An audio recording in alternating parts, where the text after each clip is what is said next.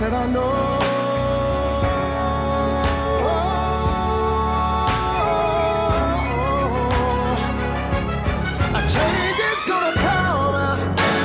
alla lyssnare och välkomna till Skokonomics. Jag heter Jenny Lindahl och med mig har jag förmånen att ha en av världens smartaste och coolaste ekonomer. Mannen som kan nörda ner sig som ingen annan i en massa papper och siffror och sen komma tillbaka till ytan där vi andra går omkring och förklarar vad som händer så att vi förstår. Jag pratar givetvis om Sandro Scocco. Ja, det är ju lysande. Det här, det här var alltså i princip en varannan presentationen. Jag, jag, jag får en sån här otroligt elegant presentation varannan gång. Ja, men jag, jag, känner mig både smickrad, stolt och glad.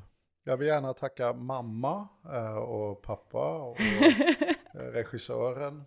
Det kanske är det här som är så här, men det är typ så här en neggning, alltså typ varannan gång så blir du utan då. Ja, Och då kanske du jobbar lite hårdare för att vinna Ja. liksom, eh, min kärlek här. Ja, eller beroende på hur bra jag var så blir det avhängigt hur ståtlig presentationen blir. Vi skapar lite av en Ja, incitament. det är det du ska känna i alla fall. Ja, ja men jag så, att du får, så att du får det. Ja. Ja, nu är det sol och det är varmt utanför fönstret och det ska inte vi alls glädjas åt utan eh, vi ska dyka ner i mörkrets hjärta. Och eh, vi ska prata om underbemanning, tystnadskultur, vinstjakt och eh, skandaler. Eh, med anledning av den här pågående Attendo-skandalen så har jag gjort en lista på de sju mest minnesvärda skandalerna inom skola, vård och omsorg. Och jag tänkte att om jag går igenom den så får du förklara varför, hur det kan bli så här. Ja, men det låter ju rimligt. Eh, och sen vill vi önska alla en eh, glad Kristi himmelfärd med det här deppiga temat. Men okej, ja. Ja, men vi, vi, vi, vi får ju, vi får ju liksom ta oss igenom mörkret först och sen Ja. så får vi se om det finns något ljus i slutet på, ja. slutet på tunneln. Lite som maj helt enkelt. Lite som, exakt, som vi hoppas fortsätter så som den är idag och inte så som den har varit fram till i förrgår. Nej, Anledningen till att det här är aktuellt, eller det är ju alltid aktuellt tyvärr, men eh, det är extra aktuellt nu för att eh, vi har haft, eller vi har, det är, den här pågående Attendo-skandalen då. Har du följt den? ja. Eh, det är väl svårt att veta vad, alltså hur, den är inte med på listan för att eh, den, man kan inte liksom lista de mest minnesvärda medan de pågår, tänker jag. Det, det är lite, lite fel, men hade, jag, jag inbillar mig att det här kommer bli en av de här sakerna man refererar till i debatten sen. ja, men den innehåller ju alla de här otroligt numera klassiska ingredienserna får man väl säga. Typ girighet, Eh, förväxlat eh, företagskultur på marknaden med offentlig verksamhet. ja. Eh, talar inte om att människor dör därför det skadar vårt varumärke. Jag tänkte att vi går in på de här, vi, vi får liksom utvärdera Attendo-skandalen när den är klar sen då, någon gång i framtiden, om vi vill, om, om vi vill det då, eller det kanske medierna fixar åt oss. Jag tänkte inte att vi ska prata så mycket om den, utan att vi ska prata om skandaler vi minns. Men den innehåller ju också eh, faktiskt den där lilla aspekten att vet du, Attendos vd går ut och försvarar sig och hävdar att vi har eh, absolut mycket lägre mortalitet på vårt fina boende. Därför det är ju alltid så också. De, de, de delar ju sällan eh, beskrivningen som då kommer fram av personalen. Men där har vi just återigen det här kruxet. Eh, Det är inte officiella siffror på enhetsnivå eller på Nej. liksom den nivån. Vilket gör att de kan ju påstå precis vad som helst, därför det är nämligen affärshemligheter. Och det gör ju att man hamnar lite i någon form av underläge kan man säga i diskussionerna. För, ja, det går ju helt enkelt inte att diskutera när man inte har några vettiga siffror att förhålla sig till. Jag har haft, som kriterier på min lista här har jag haft, eh, eller för, för den här listan, så har jag haft eh, minnesvärdhet snarare än att det, den är storskalig. Därför att jag upptäckte när jag skulle liksom lista det här att ju, eh, ju, mer, liksom, ju mer det är ett, ett uppenbart systemkraschfel, till exempel jättemånga döda i äldreomsorgen under corona på grund utav hur det funkar, eh, desto mindre blir det ju så att säga en minnesvärd skandal eller vad man ska säga. Vi vill ha human touch. Eh, ja, men det är ofta detaljerna som gör det. det är ofta, i- ibland kan det ju vara så att ju mindre detaljer det är man eh, fokuserar på, desto större blir historien och desto mer fastnar den i våra huvuden därför att, därför att det är liksom, man, får en, man får en konkret bild man kan hänga upp någonting på. Jättemånga som har dött i onödan, det är ju värre, det skulle väl alla vara med om, än eh, någon som blir illa behandlad. Men, eh, men det blir liksom, det blir inte, det, det blir inte en, en historia som liksom följer med oss i, i vad ska man säga, Ehm, Nu vill jag understödja din tes här.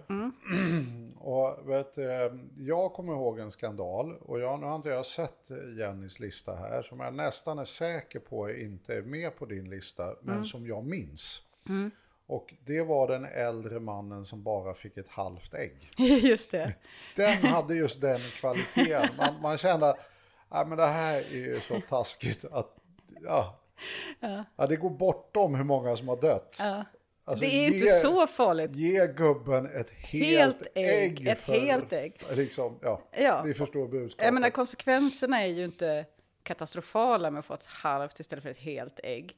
Men, eh, men det skapar en bild som gör att historierna lever vidare. ja. Eh, och det är det som är lite gemensamt för de här historierna. Så, att, så att jag, jag vill bara liksom Och understryka den det. För var det inte alltså med inte- på din lista eller? Nej, men det är, inte, det är typ sådana grejer. För Mm. det är inte en lista över de största skandalerna. För då, då, hamnar man, alltså då blir det, ju, det blir omöjligt att göra en sån eftersom Ja, men då hamnar man ju på systemnivå direkt helt plötsligt. Mm. Det blir svårt att dra gränsen för vad som faktiskt är en skandal och vad som är eh, bara vanlig politik vi håller på med. eh, men jag tänkte först på min lista då. En av de eh, största, om man tittar i antal artiklar och antal, eh, antal eh, uppföljningar och gräv och sånt där, är Carema-skandalen. Kommer du, ihåg, kommer du ihåg när den var ungefär? Det börjar lukta så här tio år sedan och sånt där. va? Det var väl Exakt DN? tio år sedan. Ja, så där. Precis, du minns bra. Alltså det här är taskigt att bara sätta dig på prov på det här viset, men eh, jag ska inte göra det på varenda Jag en. ska väl villigt erkänna, det kunde lika gärna varit 8 och 12 va? men det var en 10-ish. Det är exakt tio år sedan och eh, DN stämmer också. Den började med att DN hade en artikelserie om missförhållanden på Koppargården som var ett av eh, Caremas äldreboenden. Eh, och sen om andra äldre, äldreboenden då som också var Carema. Eh, som sen också följdes upp och det var missförhållanden om hur, hur man vårdade de äldre och hur de så att säga inte fick den vård som man kunde förvänta sig. Sen följde dokument inifrån upp med ett stort gräv eh, som handlade om hur Carema-chefernas bonusar baserades på hur mycket besparingar de gjort på äldre. Så att man fick in, eh, man fick in hela historien, så att säga, inte bara att det var en, en illa skött verksamhet, utan att det var en eh, iscensatt illa skött verksamhet, därför att det var så de fick sina bonusar. Eh, och det som gjorde att det fastnade i våra huvuden, det var ju den här symbolen kissblöjan, som är ett ord som jag hatar att säga och därför inte kommer säga det igen. Det är bara obehagligt. Jag vill att Eh. du säger till motsats till. Ja, i motsats Kiss, till... kissblöjan till motsats till. I, I motsats till vad då? Nej, glöm det. Vi, vi hoppar Ja, längre. ja, jag förstår, jag förstår, jag förstår. Eh, men för att det, det var ju då, det som blev bilden kring den här skandalen var ju att man vägde eh, kissblöjorna. eh, och det som var historien då som, som, som spreds, det var att det gjorde man typ för att spara in på blöjor eller så. Alltså det var det som var liksom storyn, att, eh, att man, den skulle bli så full som möjligt innan man tog en ny. Och därför så skulle de väga så att personalen skulle kontrollera så att de inte tog en för torr blöja och kastade. Eh, men sen så, just, just det här kanske inte var en skandal, utan det kan ha varit en, en story bara som drogs om orsakerna till vägningen. Utan orsakerna till vägningen kan ju ha varit, som de sa, cheferna på Careva, att eh, det berodde på att man ville kontrollera eh, uttorkning, alltså man ville kontrollera de äldres hälsa. Så det, det är ju en rimlig förklaring. Så det är mycket möjligt att det, just, den här, just den här detaljen inte var något problem egentligen. Det vet inte, det kan inte jag avgöra. Men eh, det visar ju någonting om hur våra huvuden funkar i alla fall. Att eh, man, man, man kan ändå inte släppa den här symboliken. Även om någon säger nej men det är fel och jag, ja det var väl säkert fel då. Så, så är det fortfarande det som är symbolen för den här skandalen. Men den handlade ju just om ett, det var ett incitamentsprogram som gjorde att man, miss, som, som gjorde att man tjänade man tjänade mer pers pengar personligen som chef på Carema om man såg till att verkligen, verkligen snåla in på de äldre. Mm. Jo, det är, ju, det är ju inget konstigt. Alltså, alltså här, här, det finns ju en logik i det här som jag alltid har haft lite svårt att förstå att ja, det här är det resultatet det kommer att bli. Alltså aktiebolag och företag har ju till och med enligt aktiebolagslagen endast att se till sina egna aktieägares intressen. Uh, och aktieägarnas primära intresse brukar vara att företaget ska leverera vinst. Uh, och, och, vilket inte heller är så märkligt i den världen. Och som kanske Nej. är helt rimligt dessutom om vi nu talar om, om Volvo i någon mening. Va? Eh, och sen får ju staten reglera upp att den här vinsten skapas på anständiga villkor. Men i en sån här extremt personalintensiv verksamhet som det här är, alltså de stora kostnaderna är ju personal. Eh, även om naturligtvis förbrukningsartiklar kostar en slant också. Mm. Så, så blir det ju så. Man, man kommer ju spara där man har möjlighet att spara. Därför att intäkten är så att säga fördefinierad. Det här får du per äldre som du tar hand om. Uh, och sen så är den lite mer detaljerad än så, men därför man beaktar ju lite vårdbehov och sådär, eller omsorgsbehov. Uh, och då har du ju det, ja men jag har 100 kronor in. Ja, egentligen är det 100 kronor ut. Ja, men som aktiebolag tycker jag ju det är en rätt usel affär. Nu måste jag hitta sätt att spara på. Mm. Ja, det, det som är den stora kostnaden är personalbudgeten. Uh, och då kommer man ju helt enkelt att försöka dramatiskt kapa i personalbudgeten. Uh, och det leder ju då i praktiken till vanvård. Jag hade ett här, där, där, man ser, bara för att bekräfta nu att jag inte sitter och talar illa om marknaderna. Utan att det här är faktiskt det de eh, säger så var det ju så att ett sånt här eh, investmentbank, ABG Sundal Collier, eh, rekommenderade till exempel då eh, aktieköp i en skolkoncern i Sverige, eller allmänt skolkoncern i Sverige. Och då gjorde man det att eh, att möjligheten att öka avkastningen genom att effektivisera läraranvändningen per student och få fler lärare att undervisa i fler ämnen och mm. skära ner på då mm. helt enkelt undervisa tid gör att bedömningen av vinstmöjligheterna är goda. Det kan ju inte uttryckas tydligare. Nej, och, och, men de tycker att det är något positivt. Mm. Uh, och den andra då, därför som man mycket talar i de här sektorerna om den politiska risken. Uh, då skriver de, by increasing the size of uh, private sector penetration, the political risk decreases. Det vill säga att de ser då ingen större oro för att fortsätta det här spelet med att eh, vinstmaximera genom att skära i personal och i villkor och att den politiska risken för det kommer att minska över tid ju mer privata inslag vi får. Mm -hmm. Och ja, utifrån då den här investmentbankens perspektiv så är ju det tyvärr kanske inte en alltför orealistisk bedömning. Eh, men, så man kan inte riktigt gnälla heller på det sättet, utan tvärtom, det här är ju, skulle jag faktiskt säga i viss utsträckning som du var inne på, det går inte att göra skandal på system, men det här är ju närmast en politisk skandal tycker jag. Att mm. Politikerna har ju misskött sig på det här området.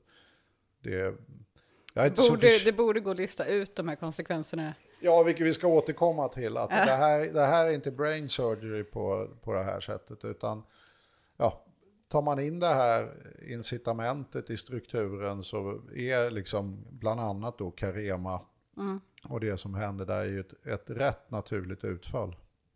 Men vi hoppar in då på nästa, eh, nästa skandal som är på just skolans område. Mm. Och eh, det är då John Bauer-konkursen 2013. det är kanske inte en skandal med en konkurs, eh, eftersom är det konkurs så är det konkurs, det är väl inte mer med det.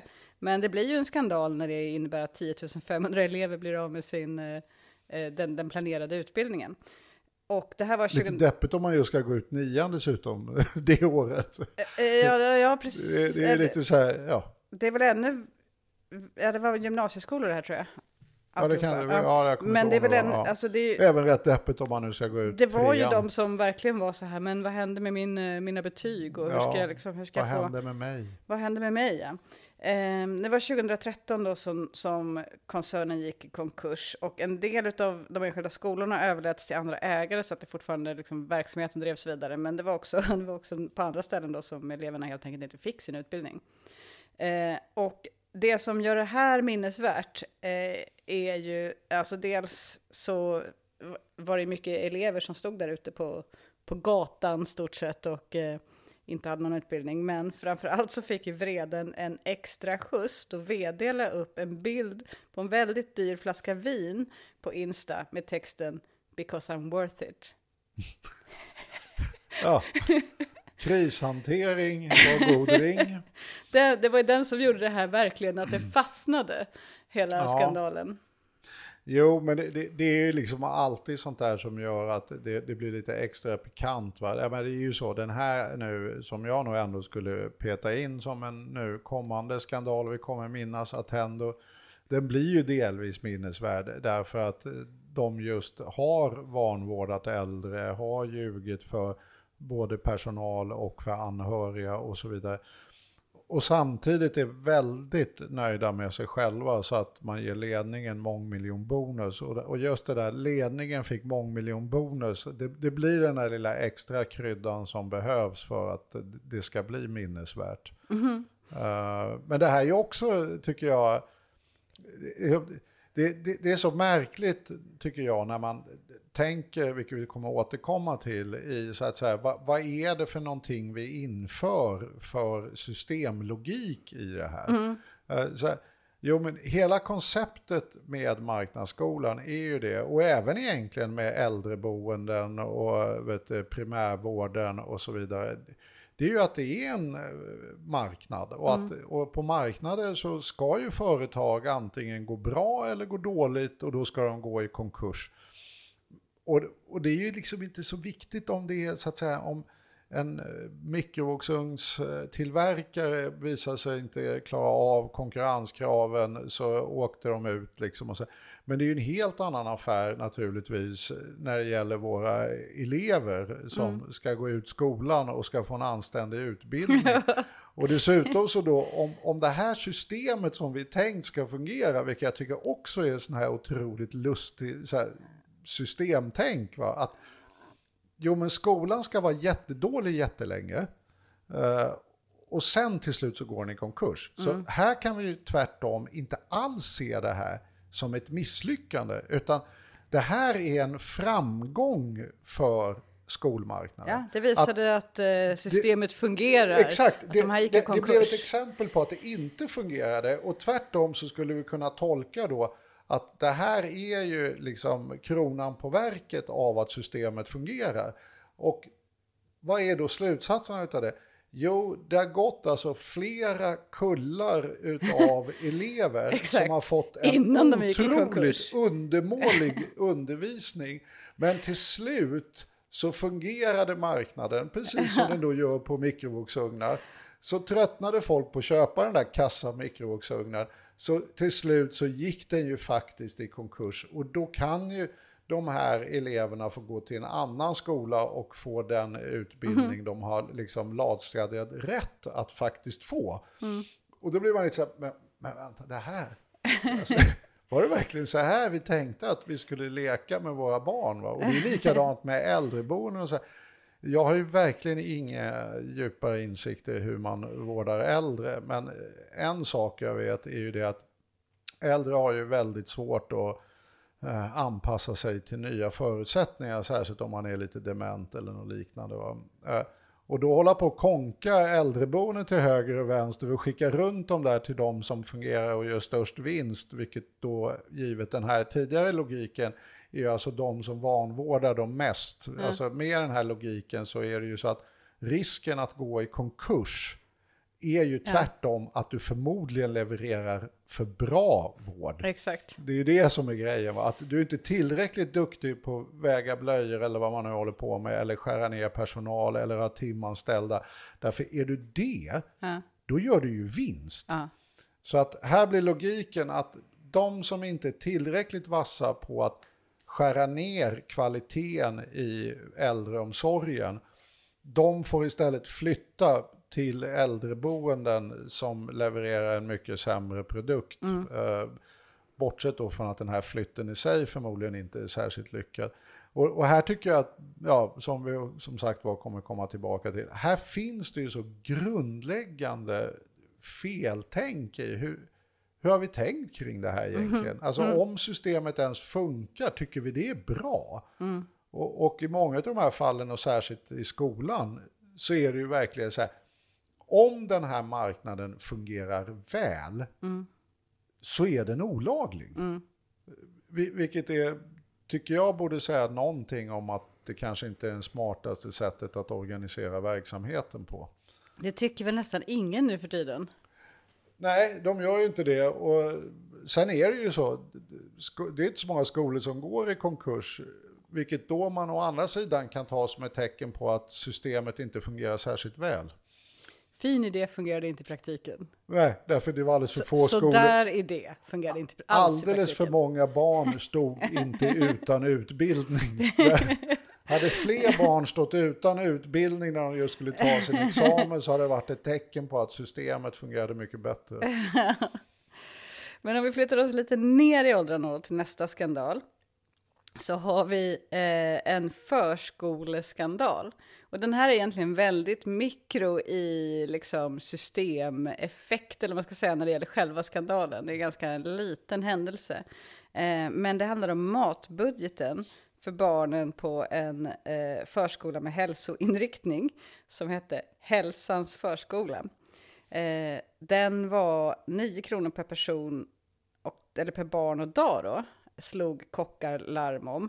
Eh, och eh, det, det är ju väldigt lite, särskilt, särskilt om det ska vara extra hälsosam mat. Och eh, Mar Maria Wallenor som var kock på Hälsans förskola i Älvsjö berättade att de serverade knäckebröd och vatten till barnen. Och sen gav hon oss den här bilden. De små barnen fick tugga med gommen.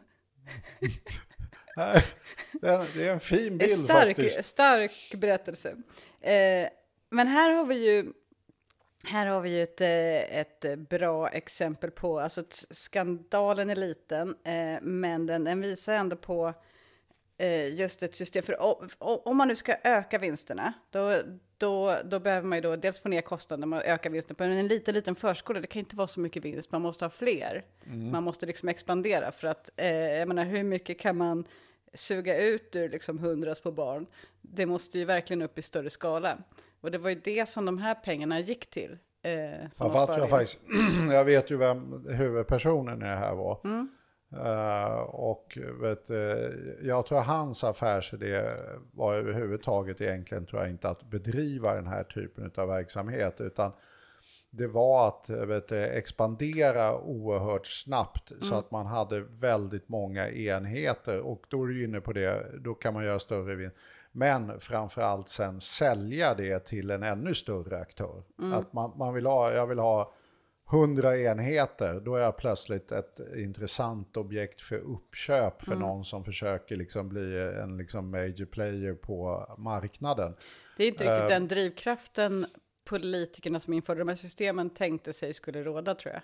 Nej, det, det är återigen så här, vilket inte är jättechockande. Eh, Och den här, den här historien visar ju då på ett annat problem som ni jättegärna får lyssna på våra poddar om vinster i välfärden. Vi försökte att inte vara så överlappande, vi har ju pratat om det här temat förut, men där tar vi upp en hel del sådana här problem. Men hans försvarslinje var ju, jag har inte tagit ut en krona ur verksamheten. Vilket faktiskt var helt sant. Vilket låter ju som om han har låtit liksom pengarna gå till det de skulle gå till. Eh, problemet var att det var inte sant.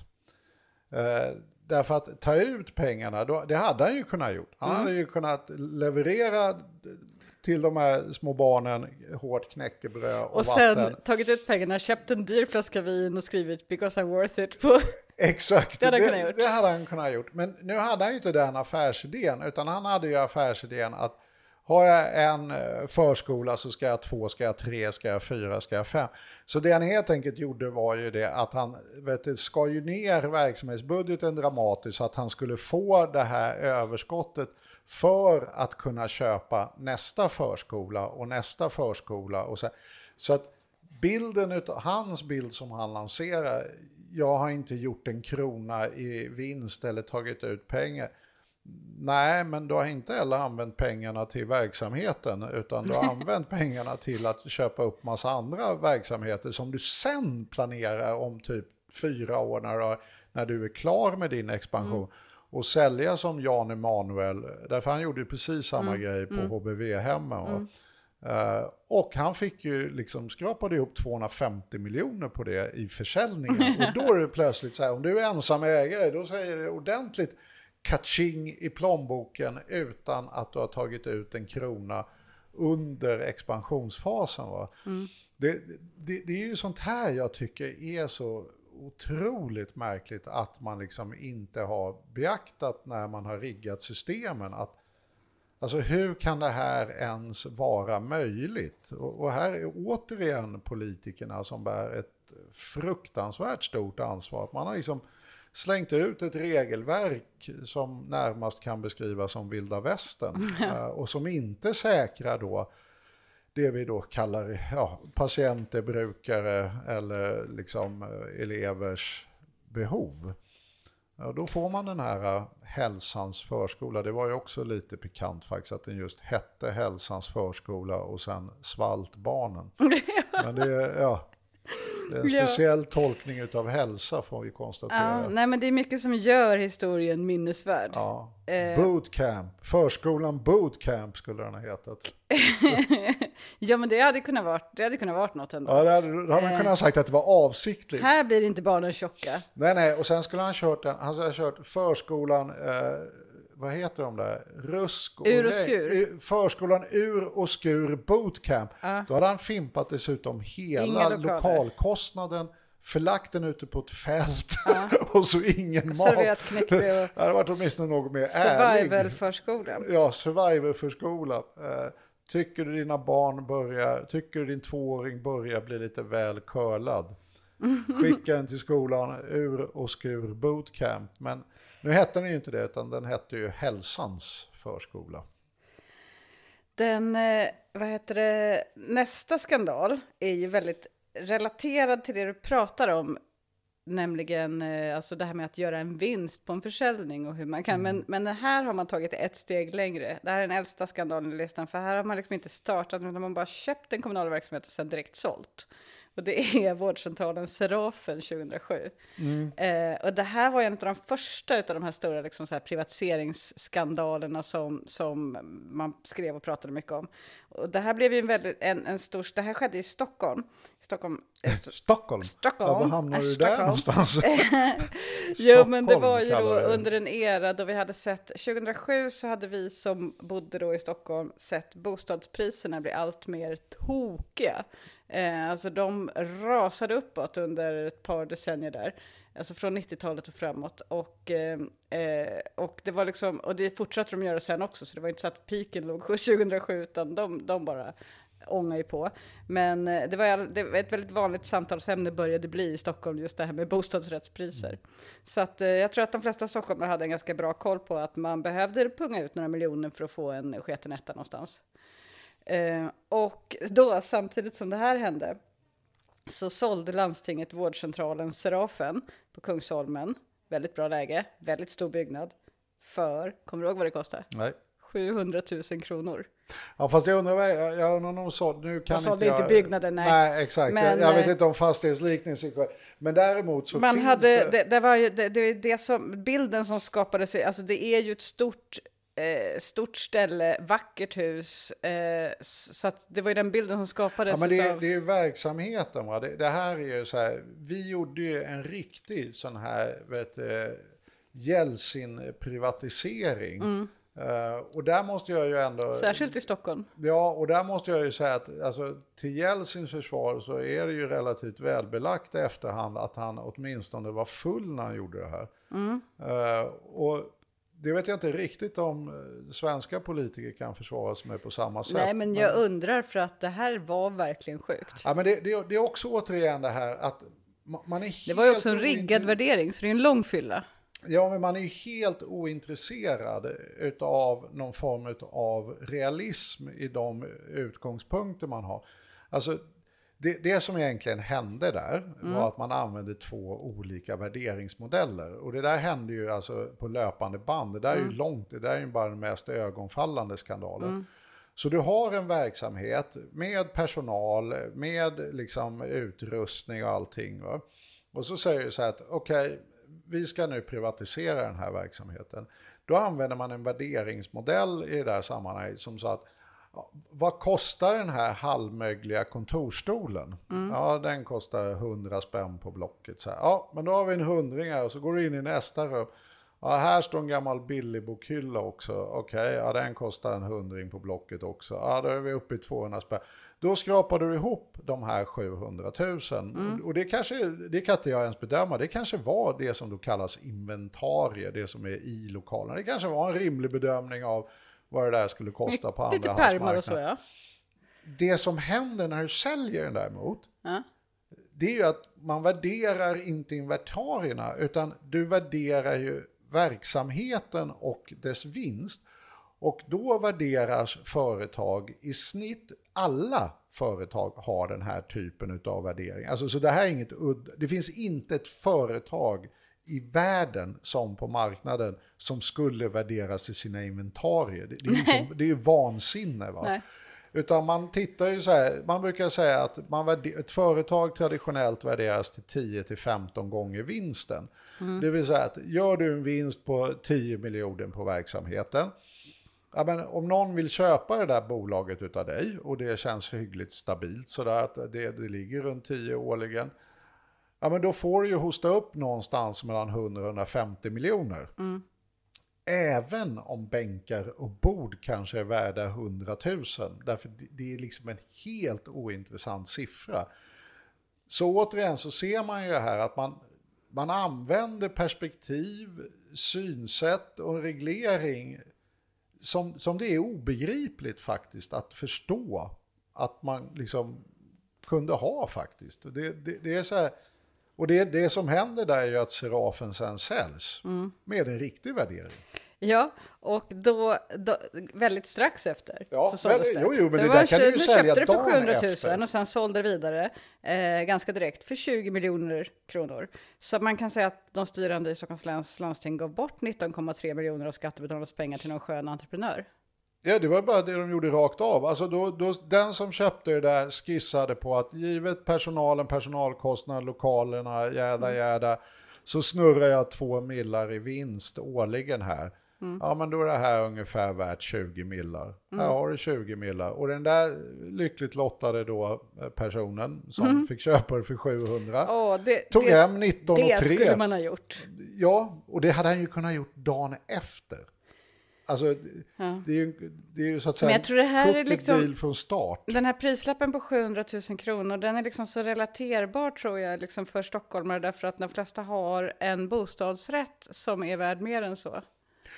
Ja, Eller framförallt så är det men ju man- säkert många som lätt skulle kunna låna upp som äger sin ja, egen lägenhet. Lånat upp de där kunna låna upp- 700, gått iväg, bällat in det där, ringt en, någon vet, stark, kapitalstark person som vill in på marknaden och säga kan jag få 20 miljoner? Sen hade det varit en otroligt bra dagskassa på Eftersom den det är så lätt att föreställa sig att man själv skulle kunna ha gjort den här affären så, så, så, så kan man inte så lätt att se korruptionen i att någon fick den.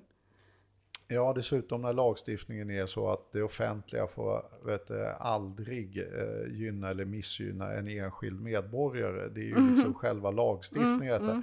Här får man ju konstatera att det var Någon någon, som medborgare vann, blev ju det var någon gynnad. som vann lotteriet helt enkelt. Och det var inte du. Sen är jag lite tveksam till den här bitterheten du uttrycker över det var inte du som fick dem 19 och 3. Men okej. Nej, men jag är inte personligen bitter över det. Jag bara tänker att det liksom är en, eh, en tanke som uppstår. Att Vi kallar det för det. jag hade kunnat, jag hade kunnat fått ihop genom att belåna min fastighet 700, eller det hade jag inte, för den är jättebelånad. Så vi glömmer det. Ja, vi glömmer det. Eh, men kanske, kanske om några år om bostadspriserna fortsätter gå upp. Då så. Ja, då så. Eh, Okej, vi ska vidare. Det är lite relaterad, nej den är inte alls relaterad, men den, den, eh, den, den, är, handlar, den är i alla fall centrerad kring en byggnad eller en verksamhet som, som liksom håller hus i byggnad. Och det handlar om Nya Karolinska som är femte exemplet här. Och här är det svårt att välja skandal, därför att jag menar den med Macchiarini är förmodligen den mest minnesvärda. Eh, men eh, den, eh, det är också konsultkostnader som var svårt att förstå hur de överhuvudtaget var möjliga. Och hur överhuvudtaget den här affärsmodellen hos konsulterna såg ut och hur de överhuvudtaget kunde gjort en upphandling med det eh, budet. Eh, Ja, och sen har de sagt att den upphandlades i konkurrens och det är en budgivare. Exakt, är jävet där och Ja. ehm, eh, att den som hade hand om upphandlingen då är gift, var gift, eller är gift med, jag är landstingsborgarråd heter det också, eller region, ah, inte vet jag, hatar Landstings... den här, Nu heter det ju regionråd. Ja, jag Då vet, väl regionråd. landstingsråd. landstingsråd heter det ju, precis. Då. Så var det. Ja, men det, det, det är en hel lista på skandaler här. Eh, för att ta eh, fler exempel. Sjukhuset blev det den trettonde dyraste byggnaden i världen. Där kan vi prata om att man skulle kunna göra en värdering baserat på inventarierna. Ja, Eh, dyrare än Wembley eh, i London, dyrare än Burj Khalifa i Dubai. Eh, det är eh, samtidigt då som personal varslades, man slutade anställa och skar ner på, här har vi den lilla bilden, kafferasterna för att spara pengar. men någonstans måste man plocka hem det. Man tar personalens kafferaster för att man ska ha den här eh, extremt dyra skandalbyggnaden. Eh, och bonus då i hela, hela den här är ett IT-haveri för 190 miljoner kronor och så lite antisemitism. Du toppade av det med, med lite antisemitism. Ja, nej, Men, men, det här är så många, jag kan liksom inte välja. Jag, jag tror att det mest minnesvärda förutom Macchiarini är nog den här att det är den dyraste, en av de dyraste byggnaderna i världen. Därför att det känns ju så dumt när man ser den. Ja, nej, men alltså, jag, jag tror att vi är åter inne på ett sånt där systemproblem. Att, alltså, när staten eller det offentliga agerar, så, till exempel i en upphandlingssituation, eh, då, då tänker du som statstjänsteman, och sån har jag varit, så att jag vet ungefärligen hur de tänker, att här är det väldigt viktigt att det går rätt och riktigt till. Det är liksom det är utgångspunkten för en statstjänsteman. Och särskilt om det är en sån här stor upphandling, då tänker man att nu, nu måste vi följa alla lagar till punkt och pricka och det får inte bli tokigt med när handlingar inkom, när beslut skulle tas och så här. Där sitter de och tänker jättemycket på det där. Sen har du en motpart som tänker bara, hur kan jag få ut så mycket pengar som möjligt utav det här? Och då är det mycket bättre om det sitter två giribukar mitt emot varandra och ska göra ett avtal. Därför då tänker båda två hur mycket pengar jag ska få ut utav det här. Och då kanske det till och med blir en rätt fair deal emellan pengarna. Därför båda håller koll på alla tjuvknep och tricks och allt sånt där. Va? Medan här har vi en relation som är helt asymmetrisk. Den den ena har hur mycket som helst att vinna och den andra är fullständigt ointresserad av vinsterna. Utan vill bara inte hamna i kammarrätten för att han har gjort en Ja. felaktig upphandling. Va? Ja. Det här gör ju det att jag skulle säga att staten blir nästan, eller det offentliga blir nästan snuvade i alla lägen. Och då kommer ju såna här skandaler upp. Att till exempel tror jag också, tror jag kopplat till Karolinska, den hade du inte med. Det var ju de här stödstrumporna eller vad det var. Ja. Alltså som kostade något så här fullständigt astronomiskt. Och då hade de ju vunnit upphandling med att vi levererar en viss volym Ja. typ. eh, Och det här var konkurrenskraftiga priser. Men då blir det så här, hur ska vi få hem liksom extra pengarna här? Jo, det är alla merbeställningar tar vi fullständigt vansinnigt betalt för. Så vi levererar de här långstrumporna men de kommer kosta ett par tusen per strumpa liksom. Och, och det, det är typiskt så här, ja det var väl cunning och egentligen så borde väl någon ha upptäckt det att hallå, det verkar ju helt rubbat att ni ska ha 7000 spänn för en strumpa som kostar en tiondel.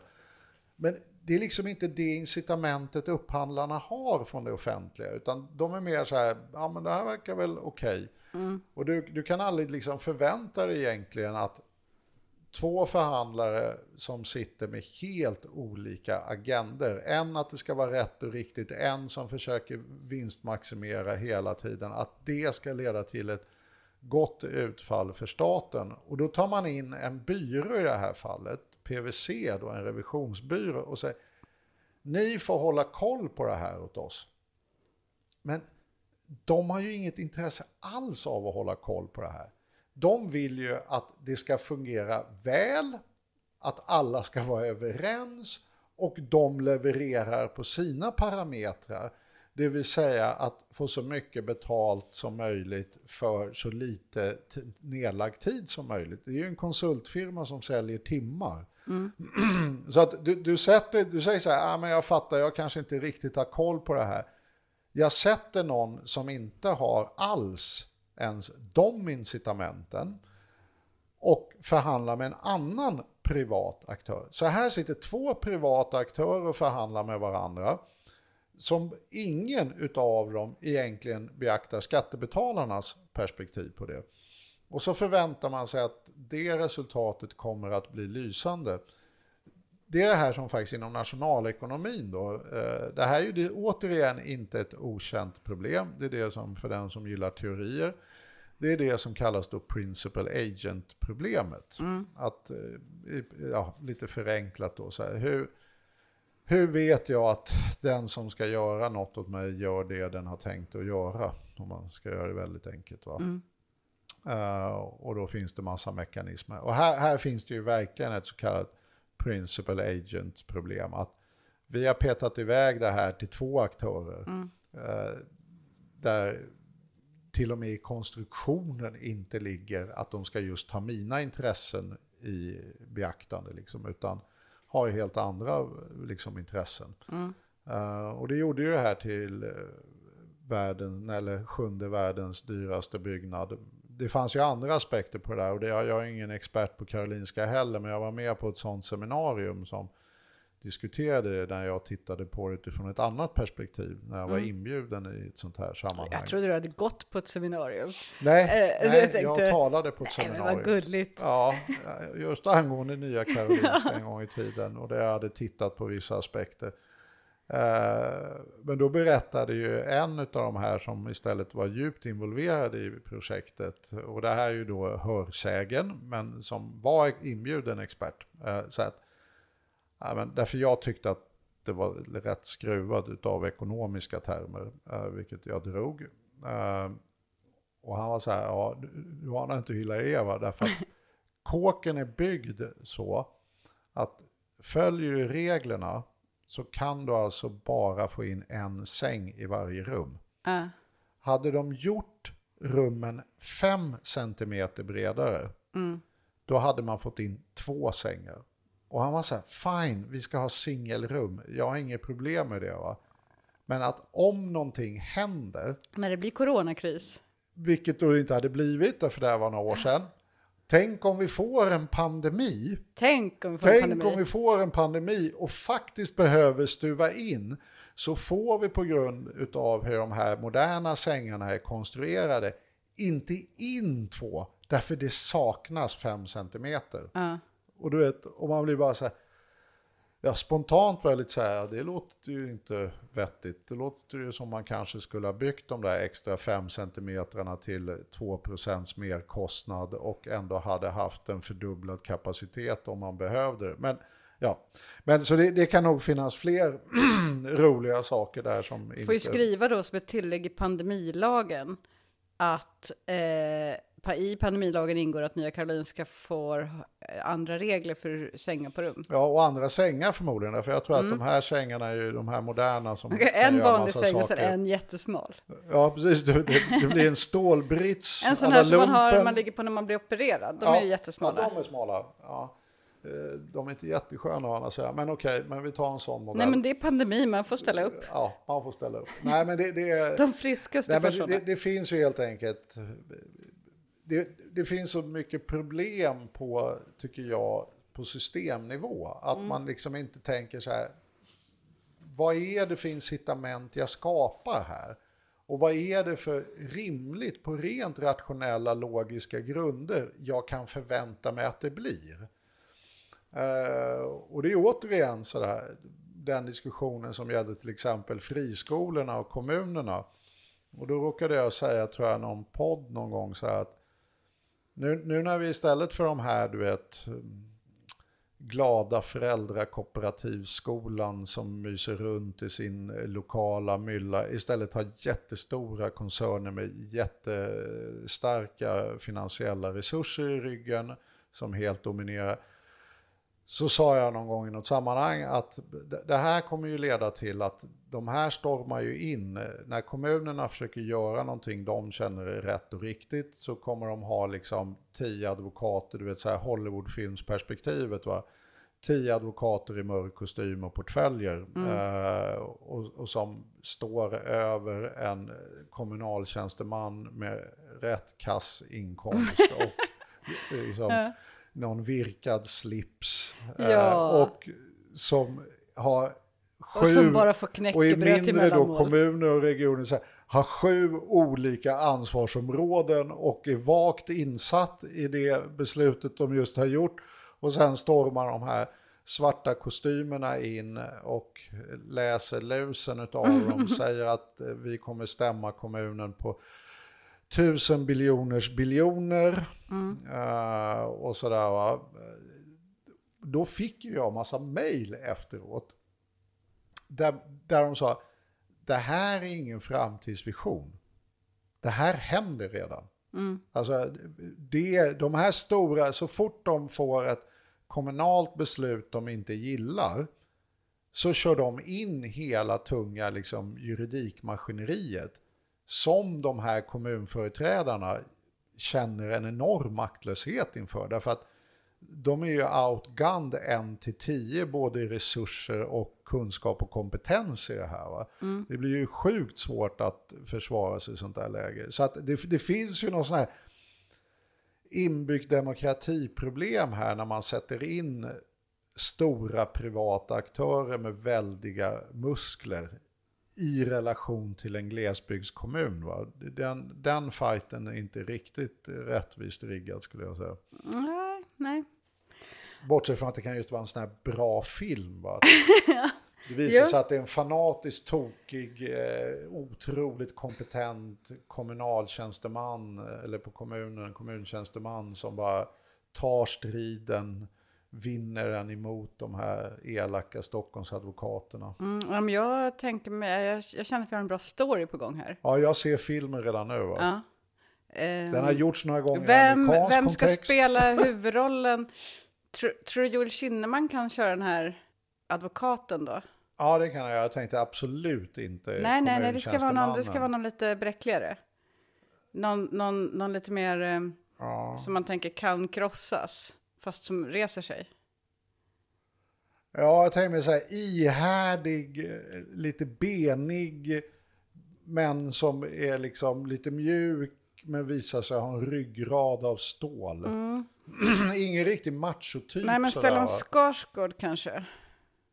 Ja, Stellan Skarsgård. eh, Han kan ju ta fram det där bräckliga. Ja, precis. Och är en sån här, han är ju rätt ålder också. Ja. Att, eh, jag har ingenting att förlora. Jag tar den här, det är min sista strid. Jag går i pension om ett år. Han brukar också hålla lite så här brandtal mot privatiseringar och så eh, då och då. Så han skulle kunna på promotion-turnén och så, det här, det här kan bli bra. Ja, det, men det, han har ju till och med skickat uppskattande mejl till mig i olika sammanhang. Så det, vi, vi, har, vi har en connection där. Det var skojar. namedropping. Det var, det var det värsta. Ja. Men, nej, men för han, när vi hade en rödgrön, eh, eh, var, så konstiga tider det har varit. Vi hade ju ett rödgrönt valsamarbete då i Mm. valet 2010. Eh, och då jobbade jag, och då hade vi, då, då jobbade jag för Vänsterpartiet, och då hade vi en stor kampanj, då, eller avslutningsdag, typ eh, spurtdag i Kungsträdgården. Eh, och bland annat hade vi Stellan Skarsgård som talade. Och då hade man ju trott, alltså jag tycker oftare när det är, eh, det, ingen disrespekt mot kulturarbetare eller så, men väldigt ofta så när, när man liksom, det är, kan vara, det är i en del, inte väldigt ofta, men en del kulturarbetare har en liksom lite sådär eh, svängig, ytlig, eh, antikapitalistisk liksom kritik så, som är lite, ja men lite såhär parollmässig snarare än eh, detaljerad. Och du har tänkt att överleva den här lite slängiga, ytliga kritiken av alla kulturarbetare när du går ut på stan sen och de hör podden.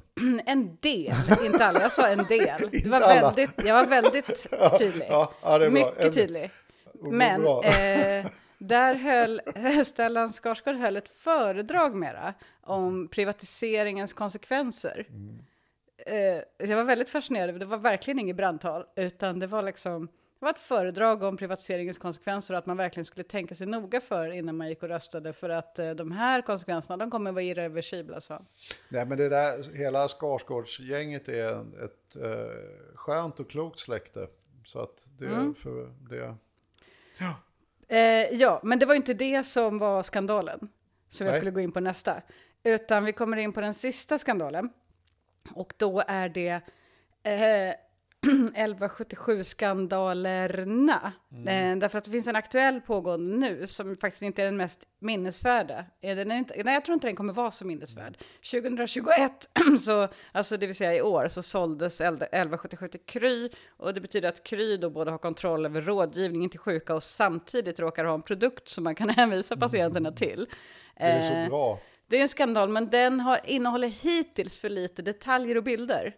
Eh, just den, just, alltså, den har Ja, inte den är varit ju så mer mycket... på systemnivå. Mm, det har varit väldigt lite av den här liksom gamlingen med ett halvt ägg Ja. i det här. Men det kanske kommer. Men det finns, det finns eh, i 1177s historia gott om andra skandaler. Ja, det det. Eh, och bland annat så, för det var Medhelp hette de som drev eh, 1177 innan.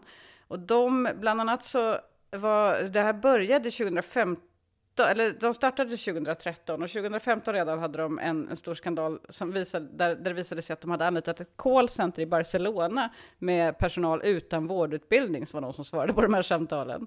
Eh, förutom att svara på eh, hjälpa dig när du liksom ringer och säger jag har ångest och hjärtklappning och så vidare. Alltså, nu menar att du, du gör det, utan dig i någon slags generell, ja det var som ett Ja. exempel. Ehm, eh, så förutom att göra det så svarade de också samtidigt på samtal om bilprovning och Telia, vars kundtjänster de också hade på det här callcentret i Barcelona. Nu, nu, är lite, nu känner jag att jag bara blivit så här kulturarbetare. Jag ser ju en helt underbar sketch framför Eller mig. hur, eller hur? när, när någon Men- bara inte orkar hålla fokus längre och tror att det är någon som ringer angående bilprovningen Exakt. och börjar svara på. Vissa termer skulle ju kunna liksom Ja. funka i båda. Ja, så att, ja, ja, jag har ja, också tänkt det- på den här sketchen, men då ska du lägga till den här sketchen att några på den här arbetsplatsen var också fulla och höga. Det blir, sketchen blir inte sämre Nej. det, jag lovar dig. Det, det här är ju en helt underbar sketch. Så den här, den här gillar man ju verkligen, eh, bortsett från alltså gillar och gillar. Det Mm. Och spanjorer som bryter på svenska har ju i sig en, ja, vet jag inte hur jag ska uttrycka det här för att det inte blir politiskt inkorrekt, va? men ett, ett, ja jag säger det som det är, ett underhållningsvärde. Ja, verkligen.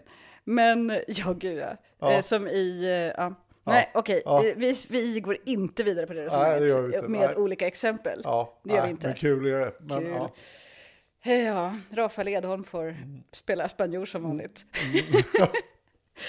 eh, I alla fall, de här full, eh, fulla och höga callcenter-medarbetarna är inte liksom typ, ja, det är kul att skratta åt, men det har ju också varit skandaler som jag inte ens, jag orkar inte gå in mer på mörkrets hjärta nu, men liksom kring när folk inte har fått den hjälp de behöver, alltså Mm. folk som verkligen har farit illa därför att de har fått dålig rådgivning. Eh, men det, det, vet, det, det behöver ju inte nödvändigtvis vara ett systemfel heller. Jag menar, dåligt, dåligt råd kan, kan man ge även i det bästa av system. Så att jag, ska inte liksom, jag, jag har inte liksom hakat upp mig på det. Men en, en del av systemproblemen var ju just att sjuksköterskorna som svarade på samtalen, det var en skandal 2018 när de berättade att de pressas att avsluta samtalen så snabbt som möjligt på bekostnad av att ge bra råd och hjälp.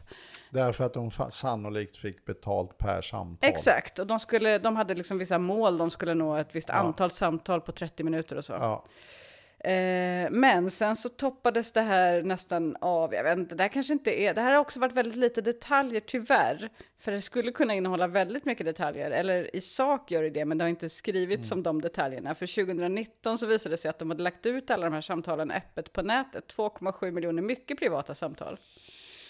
Ja. Eh, plus eh, att de återigen hade lagt ett callcenter i Thailand, men plus om vi då ska liksom bara lägga till som bonus att 2020 så var också ägaren för Medhjälp med i Panama-pappren. Ja, det är lite en sån här krydda till tillvaron. Mm. Men vet du, nej men alltså det, det jag tror när man liksom lyssnar på alla de här skandalerna, eh, att man, man ändå liksom möjligtvis börjar känna att det är där någonstans vi är. Va? Det, det vill säga att här är det ju system som inte funkar. Alltså system som är tänkta att fungera på ett visst sätt. Så inför man helt egentligen artfrämmande inslag i de här systemen.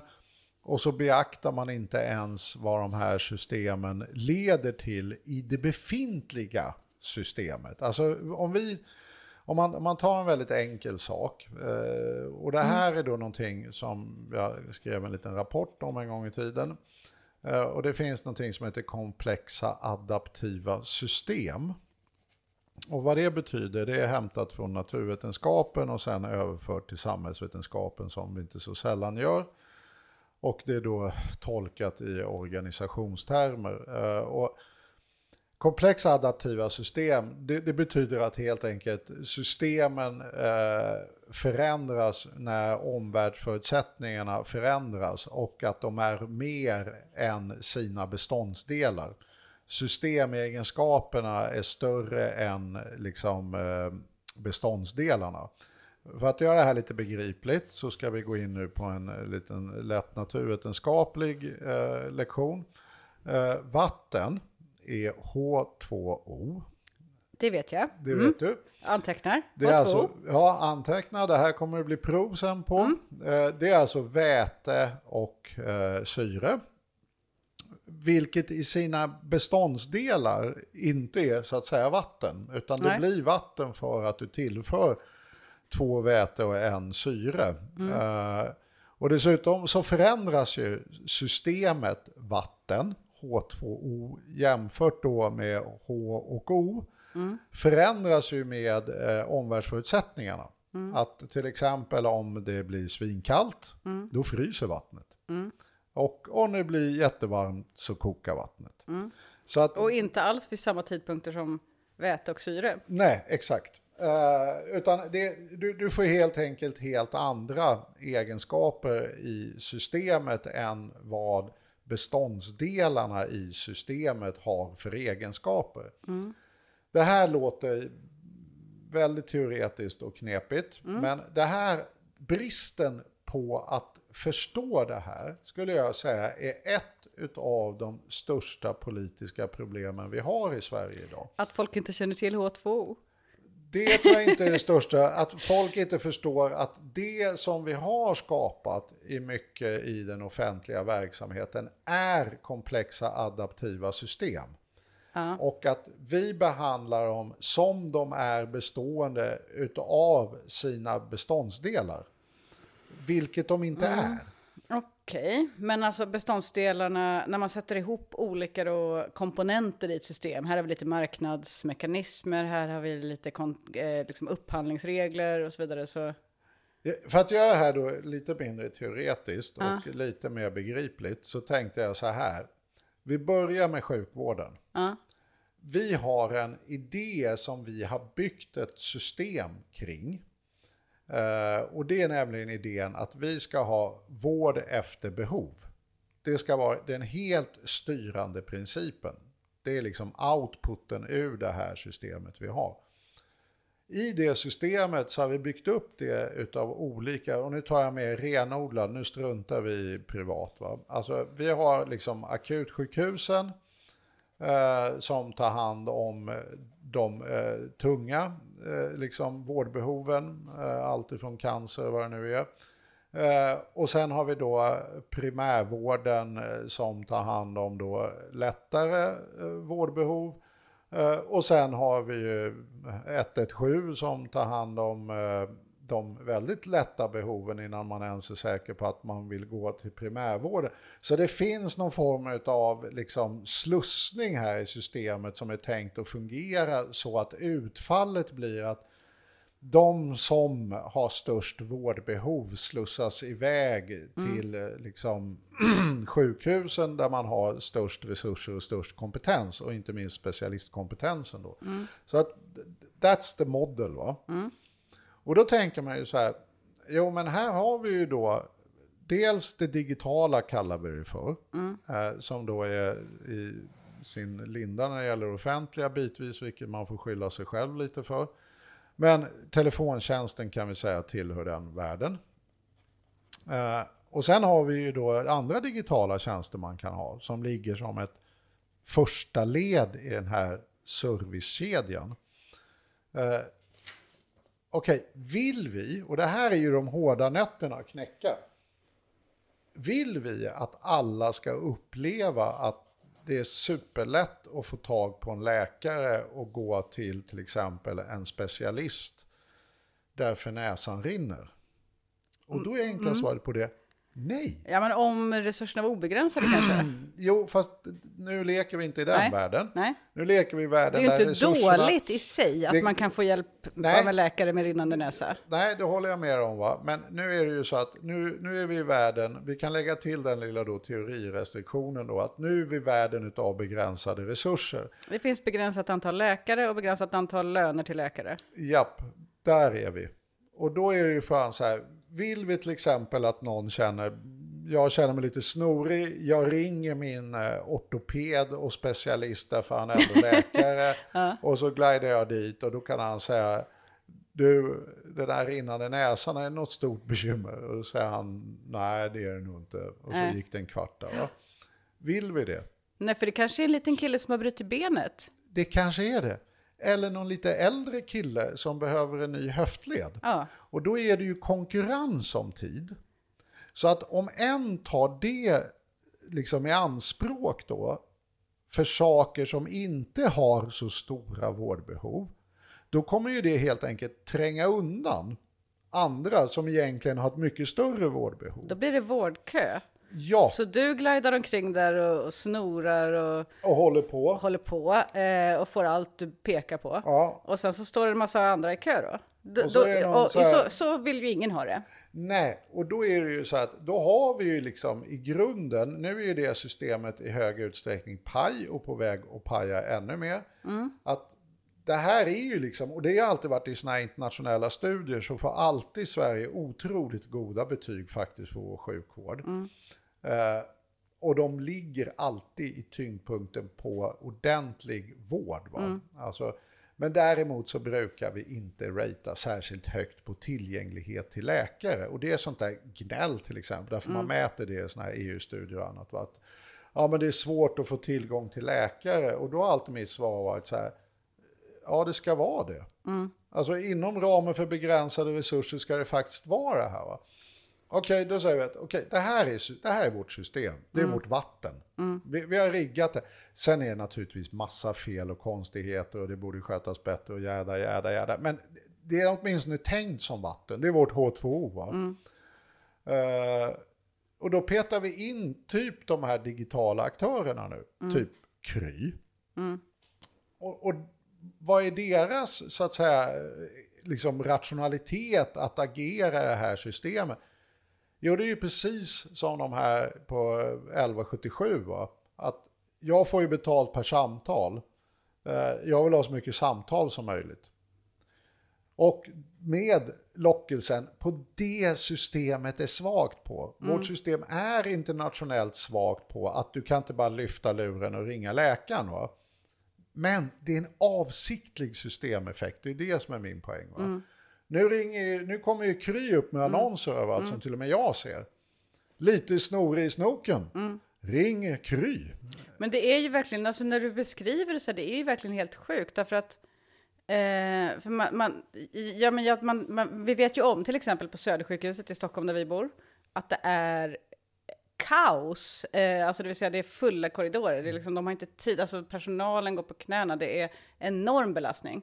Eh, och jag var, jag var själv där i höstas, i oktober så fick jag en hjärnskakning, jag ramlade och slog i huvudet och så vad heter det, och det var så illa så att jag åkte ambulans in akut. Eh, men trots att jag kom akut in med ambulans och, och liksom, se- sen blir man ju bättre och bättre. Så när jag hade legat här en 10-11 timmar utan att träffa en läkare så skrev jag ut mig själv. Så att det var en väldigt onödig resa liksom in till eh, akuten där. Men, och då tänker man ju bara så här, ja men det är en väldig belastning. Men det är det ju inte, på hela systemet är det ju inte alls en väldig belastning. Därför Nej, att jag hade, jag hade kan- kunnat, samtidigt som jag låg där, appa en kryläkare. Ja, och det hade du verkligen kunnat gjort. Ja, Alltså, det, det hade ju varit en bra idé. Jag Ja. hade kunnat säga så här, hej jag ligger på Södersjukhuset, eh, det finns ingen läkare här, jag tänkte skriva ut mig själv, men jag vill prata med en läkare först om det är en bra idé. Ja, exakt. Jag, jag, jag, jag tar det. Ja, men alltså, det, det är ju det här, va? och då, då är ju så här, här har vi ett jättepolitiskt problem. Därför att vi kan inte säga till väljarna att vi faktiskt har den här principen vård efter behov. Eh, och det betyder att givet de här pengarna vi har, eh, sen kan vi ju öka dem lite, va? men givet de här pengarna, va? men de kommer alltid vara begränsade, så är inte den smartaste användningen av pengarna att faktiskt du kan ringa en läkare för att du är lite snorig eller vad det nu är. Va? Eh, utan det smartaste användningen av den här läkaren det är att den typ står på sjukhuset och tar emot ambulanserna som kommer in och kollar om den här håller på att dö eller inte. Det är den smartaste Det hade användningen. besparats en sängplats så, Ja. om jag hade kunnat skickas hem tidigare till exempel. Ja, och då är ju frågan så här. Eller så borde jag inte åkt hem, det kommer vi aldrig få veta. Nej, och då finns det ju det här problematiken att när du då stoppar in en aktör som inte alls delar, eh, det är ju nu vi kommer till så här, ja men vadå, det är väl coolt med digitala, jo jo, men det digitala måste dela den övriga vårdens eh, primära funktion. Exakt. Och gör den inte det, då är det inte bara så här, ah, skön grej, utan den slår sönder den primära funktionen. Alltså om vi Mm. Då kan, man ju komma, då kan man ju ha en app där man först kommer till någonting som motsvarar 1177. Ja, ja, exakt. Eh, och så får har man samma sorteringssystem i hela det. Ja, att det är ju det va, att det är ju sorteringen här. Hur hanterar vi vårdbehoven? Störst vårdbehov ska få den, den Mm. resursen vi har va. Och det skulle kunna effektivisera hela systemet också om, om liksom, för det finns väl massor med människor som då söker sig till en läkare idag på ett sjukhus som kanske inte behöver göra det. Så om man kunde sortera hela systemet så skulle det Känns Ja, det det som att det finns här- besparingsmöjligheter här, eller åtminstone möjligheter att effektivisera, för vi måste bespara ska vi inte göra, vi ska ju kasta in mer pengar i det här systemet eftersom det har blivit underbemannat med åren.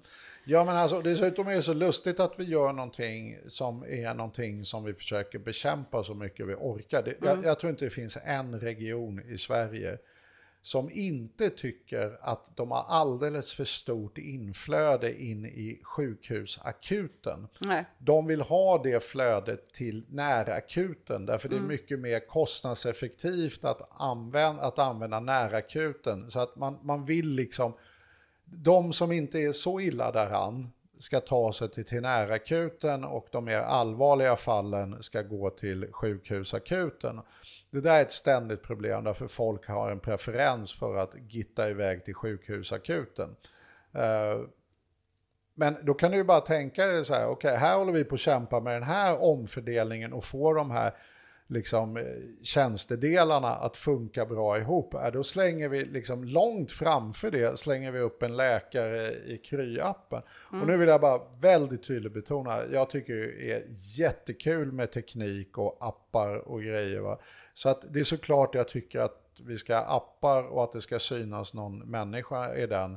Och det kan till och med finnas en funktion att ha läkare i apparna men den måste ingå i processen utav vård efter behov. Det kan inte bara vara ett liksom sjukt marknadssystem vi har hittat på som... Nej, och som ligger och parasiterar Nej. på en funktion. Därför den parasiterar Ja. på att vi har valt att inte göra tillgängligheten till läkare och specialister i första ledet.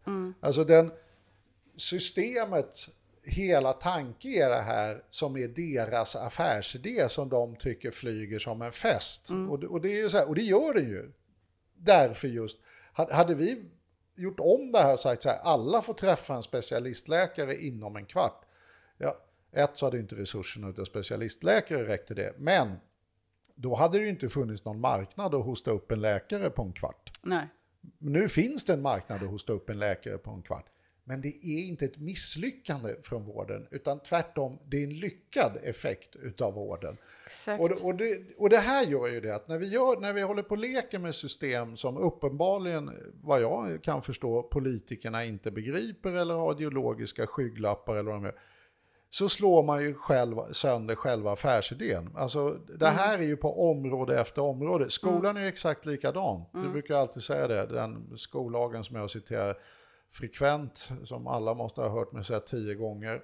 Skolan ska vara kompensatorisk och eh, likvärdig. Nej, men sen petar vi in närmast ett eh, liksom, eh, privat skolsystem. Alltså eh, det är ett utländskt privatskolesystem där liksom det kanske kostar som på Eton, vad är det, så här 300 000 per termin. Det petar vi in med offentliga medel med exakt samma resultat och selektionseffekter.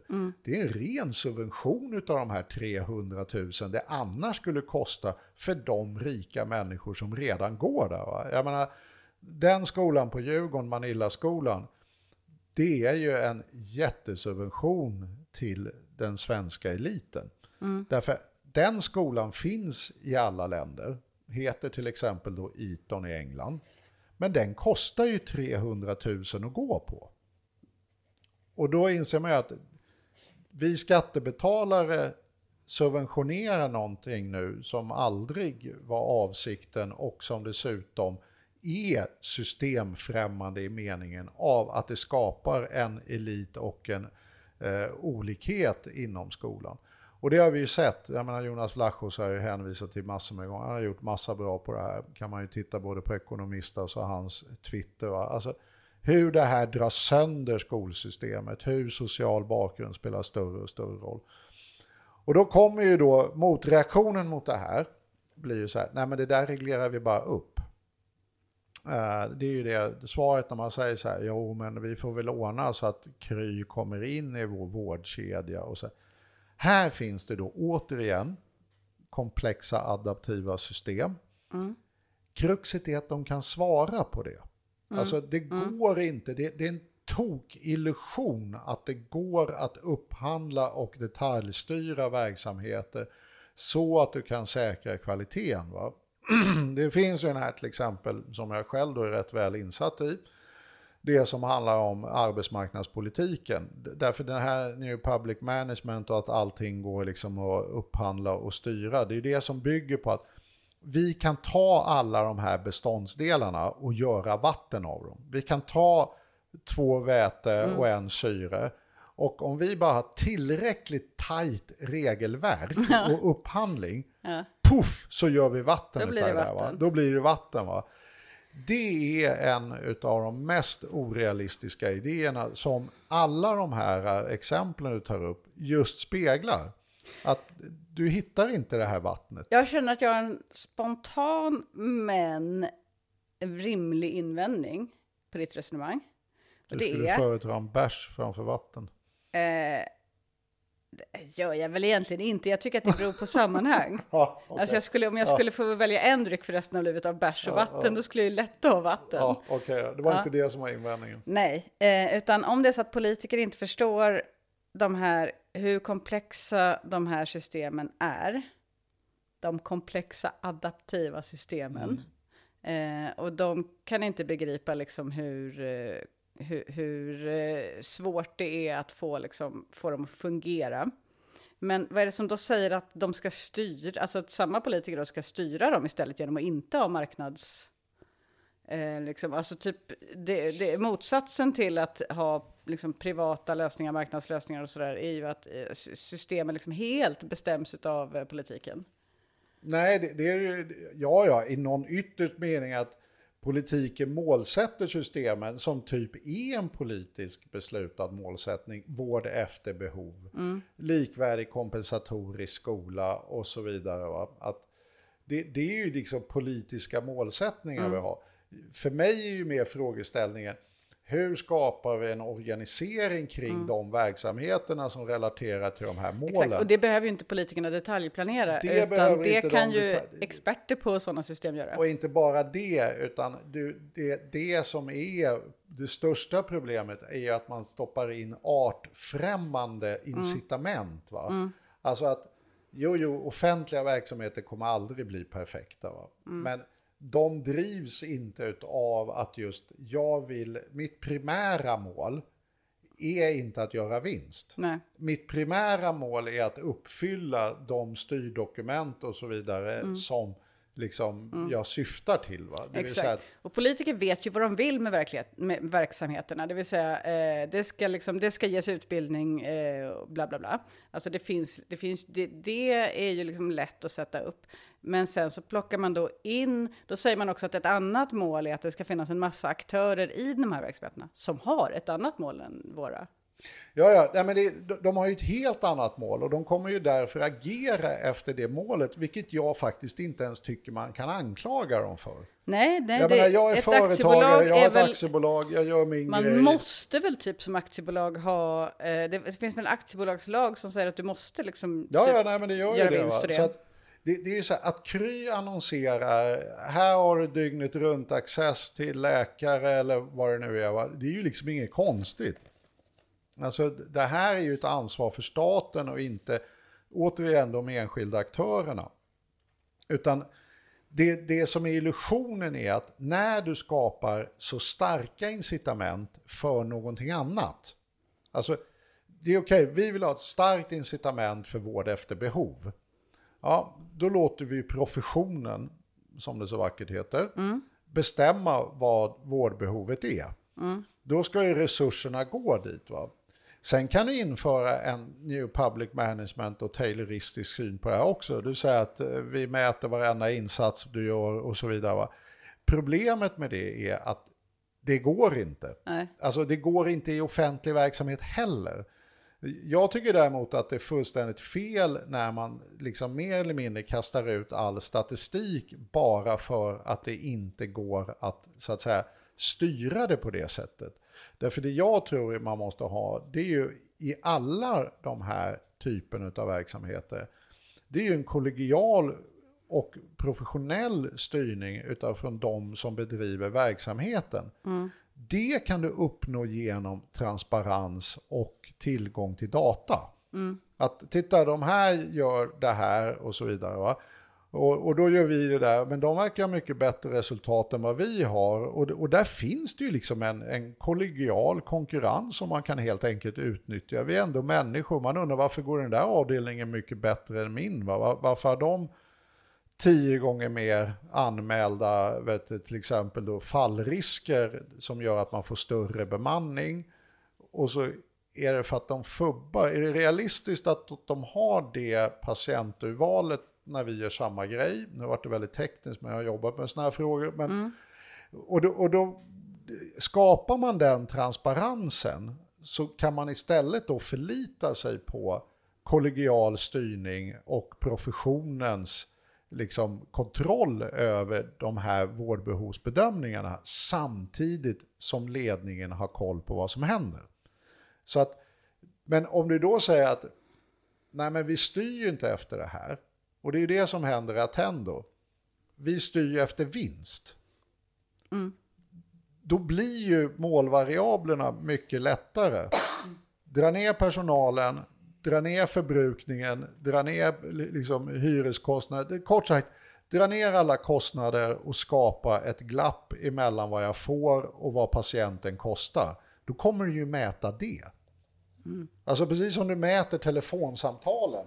Så, så här, du kommer ju att mäta det som ökar din vinst och du kommer styra, inte, inte skapa en professionell, kollegial eh, styrning, utan du kommer tvärtom styra väldigt top-down, helt utan beaktande av professionens bedömning, mot det som helt enkelt genererar större vinst. Så att du skapar helt enkelt ett helt annat system. Och New Public Management och den typen av föreställning om top-down i den här typen av verksamheter, den är nästan ett nödvändigt komplement till idén om att vi kan detaljstyra verksamheten på en sån nivå att vi faktiskt kan se till att våra politiska mål uppfylls. Ja. Och det är en sån tulipanaros från hell. Alltså, ja men det är ju så här, jo jo men då detaljreglerar vi det där, ja då pyser ju luften ut där, ja men då försöker vi täppa till det där. Jo men hur mäter vi att någon gav den, de här fem minuter extra klappa på handen på gamlingen och lugna ner den när den var orolig? Ja, inte kommer det komma in i någon upphandling. Och det var ju Coronakommissionen också inne på. Jag menar, hur kommer liksom kontinuitet i arbetsvillkor och personal och det kan man ju tycka, äh, spela boll. Jo, fast det spelar ju boll på det sättet att till exempel jag vill träffa samma läkare flera gånger som har ett egenvärde även utifrån vårdbehov. Det har definitivt utifrån omsorgsbehov om man är gammal. Eh, Det har det utifrån inte minst krisberedskaps och kontinuitetsbehov när det gäller då hur många du träffar. Eh, Och så här, de lyfter ju en hel del av det där. Plus att det är jättekul om de är något sån här kompetenta. Ja, men det får du ju inte in i upphandlingarna.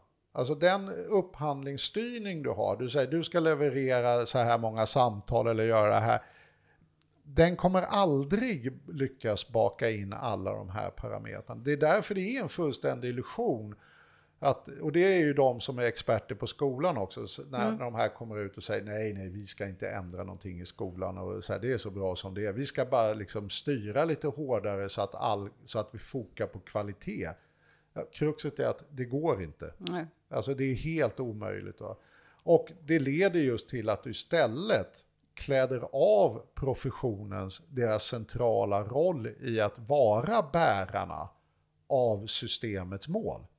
Det vill säga likvärdig skola, vård efter behov eller arbetsmarknadsinsatser efter behov som jag själv höll på att jobba med. Va? Ja. Och det är ju likadant. Det, det är så här, nej men vi, vi slänger ut ett gäng privata aktörer som har vinstintressen. Och den mest banala idén är ju då så här, de får betalt per person som de får i arbete. Säg privat full sysselsättning och sånt där. Va? Pang på det. Ja, det är ju skitenkelt, jättesmart och det är det vi vill betala för. Gud vad bra. va? Okej, om man kan lite, lite mer än det om hur grejerna funkar, då fattar man direkt att det som, de har ju precis som den här behovsgrejen som vården har. Att det är ju de tuffaste som ska liksom få mest insatser och resurser därför de är svårast att få in i arbete. Va? Och det tjänar staten väldigt mycket på. Ja, men vad händer när du inför ett sånt här system? Och det är ju dit vi är på väg nu. Det kommer ju bli en sån liksom, tokkatastrof kommer vi upptäcka om 5-10 år. Men återigen, inte svårt att räkna ut på logiska grunder. Jo, det är att du kommer styra resurserna mot de som vi absolut inte ska lägga resurser. Det vill säga, den genomsnittliga arbetslöshetsperioden, om vi struntar i pandemin nu, är någonstans eh, kanske tre månader. Eh, och då är det ju så att de där kommer ju in och ur ur arbetslöshet alldeles på eget bevåg. Vi ska ju inte lägga en spänn på dem. Va? Eh, därför de har blivit av med jobbet, de letar nya jobb och de hittar ett nytt jobb och kommer i arbete igen. Va? Utan vi ska ju liksom gå längre bort ifrån den här liksom närmast friktionsarbetslösheten och satsa på de som liksom är lite längre arbetslösa eller har felaktiga utbildningar som inte är gångbara och så vidare. va. Ja, all den typen av föreställning om marknadsstyrning leder att vi kommer lägga pengar där det är absolut mest meningslöst att lägga pengar. Det vill säga på de som är närmast arbetsmarknaden. Men det är roligt för att eh, man hade ju som argument, eller alltså ett slags politikerargument för de som var för privatiseringarna och sådär, är ju liksom att politiker vet inte bäst vad som behövs, utan folk vet själva bäst vad som behövs. Men det är ju uppenbarligen liksom inte så, utan folk vill ju ha demokrati av skälet att liksom, det inte ska vara hur som helst hur resurser fördelas och hur saker bestäms, utan att för alla, jag menar, man själv vill ha hjälp med sin rinniga näsa, men man vill ha, eh, man vill ha ett samhälle som ser till att den som har brutit benet går före. Eh, så det är liksom- Framförallt så om du även själv skulle få prioritera vad tycker jag är viktigast? Att få min rinnande näsa bo- botad eller mitt brutna ben? Exakt. Så går du in Man på, skulle nej jag tar brutet ben. Ja, ja, det skulle man ju. Och man skulle ju, om du, om du får välja din rinnande näsa eller den här brutna ben, då skulle man ju välja bort sig själv. Det skulle Mm. Ja. ju alla göra Ja. som inte är helt sjuka i huvudet. Ja. Men den möjligheten ges vi ju inte, annat än genom valsedeln så att säga. Men eh, vi ges ju inte den möjligheten i systemet om vi måste välja själva så att säga, att gå före kön. Nej, och det är förrädiskt, därför det är jättetrevligt att få Mm. sin rinnande näsa botad när man inte förstår att du tränger undan andra behov. Exakt. Alltså, du vet, det skulle ju vara jättetrevligt, därför det här är verkligen liksom det här jag försöker liksom, ja, men Doris envishet förklara de här komplexa adaptiva Jo, men alla har ju systemen. fattat. Ja, och då är det så här, de är likadana allihopa. Ja, exakt. och, och då är det så här, det skulle vara jättetrevligt om jag blir arbetslös imorgon. Och så känner jag så här, ja, men jag skulle vilja snacka med en arbetsförmedlare. Jag kopplar upp mig på Jabb-appen AB. Och så bara trycker jag det och plötsligt så kommer någon upp på skärmen och här, Mm. hej hur mår du idag? Hur så här, känns det? Och så här. Jo, jo, det är ju jättenice för mig. Men den där insatsen jag gör där, som inte är konst utifrån mitt egen perspektiv, att jag skulle tycka, jag har lite kris på gång, jag skulle tycka det var kul att snacka med någon. Den resursen kommer nu inte att läggas på någon som verkligen behövde den. Och som inte hade app. Och som inte hade app. Och det är också en aspekt. Alltså precis som med skolan och vården och så vidare. Vem hänger med i alla de här systemen? Vem är det som har de största skolvård, alla de här behoven? Jo, det är de redan resursstarkaste. Exakt, som vet, att- vet hur systemen funkar. vet hur systemen funkar, vet hur de ska ta fram Mm. sig i systemen och är lite dessutom vana vid att bli curlade i någon mening. Va? Alltså, en akademiker som blir arbetslös eh, och ha- har haft det bra hela livet kommer närmast förvänta sig varför får jag inte ett personligt möte med en arbetsförmedlare imorgon? Och då är svaret det, Därför du ska inte ha det, därför att vi bedömer att du på egen maskin är i arbete om två månader. Men vi har några andra här borta, givet begränsade resurser, som behöver mycket större insatser. Och inte alls är lika påstridiga och cocky som du är.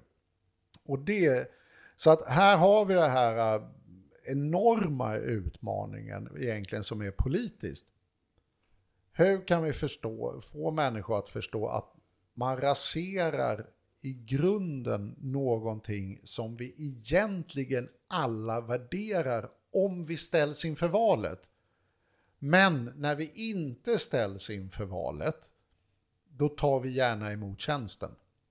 Därför det är lite skönt ändå. Ja, alltså det är dumt att tacka nej. Ja, exakt. Jag har tre stycken public announcements, vad heter det? Dekre- Ja. äh, Eh, meddelande. Offentliga meddelanden. Viktigt meddelande till allmänheten. Anslagstavlan hette det när jag var liten och det var på tv. Just det. Du, Du- du. Det Och det också... enda man var upphetsad över var att det var tecknat. Exakt, det var ingenting som var tecknat. Det Det enda tecknade det var julafton Ja. och anslagstavlan. Ja. Så man var ju, Ja. som satt ju som klistrad. Ja. Och så också den här solens upp och nedgång som inte direkt var, det var ju liksom mer en sån här Det typ var mer halvrutten alltså animering. anime, någon drog den, ja, men ändå. Ändå. Det var liksom Så otroligt. svältfödd var man. Det var man verkligen. Mm. Det var Ehm, man. Men eh, nu kommer, nu kommer då tre stycken. Och jag säger det till mig själv så att jag ska säga alla tre och inte glömma Mm. det. Den första då var, som jag tänkte säga, är att det är bara sex exempel i min. För jag sa sju i början. Men det blev sex och jag kapade ett. För att vi skulle, det, eh, men eh, då tänker jag så här, då skulle man kunna utlysa det. Alltså jag, jag, då ska inte jag säga eh, vad det var, för att det, det blir ju konstigt. Utan vi utlyser det. Eh, man får, tä, man får liksom typ, man får för, föreslå vilket som ska vara det sjunde. Vilken var den minnesvärda skandalen vi glömde bort? Mm, exakt. Eh, så det var ett. två. Eh, du refererade till Välfärdsutredningspodden och det kanske är svårt att bara fatta vad det är. Så jag tänkte säga att det var ju, alltså du och jag jobbade ju förut på eh, Arenagruppen. Ja, Ja, och då hade vi en podd som hette Pengar och politik. Och den, eh, den, den, han- den var också att du och jag pratade, eller fast den var också att du pratade med Alicia eh, i en annan era och med Micke i ytterligare en annan era. Så att du har ju pratat hela tiden. Eh, men i den podden, Pengar och Förlåt. politik, den kan man då hitta, den heter Pengar politik och den finns om man inte hittar den i sin poddspelare, vilket man gör, men eh, i, på Arena Idé eh, kan man gå in och kolla på också. Och där finns det då två avsnitt som handlar om vinster i välfärden. Eh, den här stora utredningen som kom. Ett med Lina Lundblad och ett med Elin Sundberg eh, som båda jobbade med välfärdsutredningen. Precis, och det, den förklarar just det som vi var inne på tidigare, varför man aldrig ska lita på den här typen av tärande företag som jag gärna kallar dem. Mm. Eh, Exakt. på just när det gäller vi har skjutit till pengar, vi gick med förlust. Därför Mm. det är oftast en otrolig fest av att koka böcker. På 80-talet hittade, hit, hi- hittade den här lobbyorganisationen Svenskt Näringsliv som då hette SAF på idén om att man skulle kalla det för närande och tärande sektorn. Närande sektorn var företagen och tärande sektorn var vården till exempel. Ja, det var Assar Eh. Till och med som myntade. Ah, Okej, var- de använde det kampanjmässigt, Ja, men det var Assar gjorde Lindbeck. de. Okej, Eh, jaha, var det han? I alla fall. Eh, men nu kan man ju se, liksom, alltså, typ, och det är dumt såklart, vård är ju inte tärande kontra liksom, eh, ost. Så att det blir ju en väldigt konstig, så här, typ att lägga upp det på produkter så. Men däremot kan man tydligt se idag hur det finns liksom väl närande och tärande delar utav näringslivet.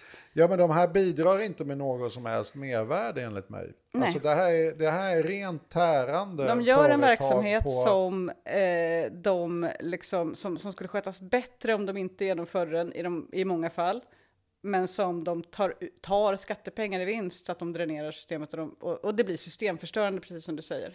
Ja, men det är det. Alltså verksamheten skulle fungera bättre om vi inte hade de här inslagen. De Mm. och det är inte för att de är liksom så här, tjänar pengar eller är onda eller så. För Nej, att, nej, absolut det inte. Eller det. ens bedriver dålig verksamhet per se. Nej, det lite kan ju vara bra var inne. också. Det, Det det, säga, kan även vara om det vore- Mm, jättekul att få träffa en läkare på fem minuter. Men Exakt. ja, det är inte, that's not the point liksom. Nej. Har jag sagt två? Ja, det var två. Då var det den tredje då. Den tredje är att nu när vi vandrat genom dödsskuggans dal så tycker jag vi går ut i solen. Ja, det, det tycker jag låter som en lysande idé. Och då menar jag liksom, då skulle jag kunna med det mena att jag ska säga någonting bra, men jag menar att vi faktiskt bara ska gå ut i solen. Ja. Jag tycker vi önskar alla våra lyssnare en väldigt glad Kristi himmelfärd och njuta av den sol vi får nu. Nu är det säkert så att det inte är det i norra Sverige något, för jag har inte kollat hela. Men eh, i Stockholm är det sol. Så jag har faktiskt kollat den där kartan, nu kan inte jag svära på om det var norra Sverige, men åtminstone nedre hälften Mm. är rätt solig. Så om ni bor på ett ställe där det också är sol, Ja. då önskar vi er en glad Kristi himmelfärd. Annars så beklagar vi. Ja, absolut. Ha det bra. Ha det bra. Hej då.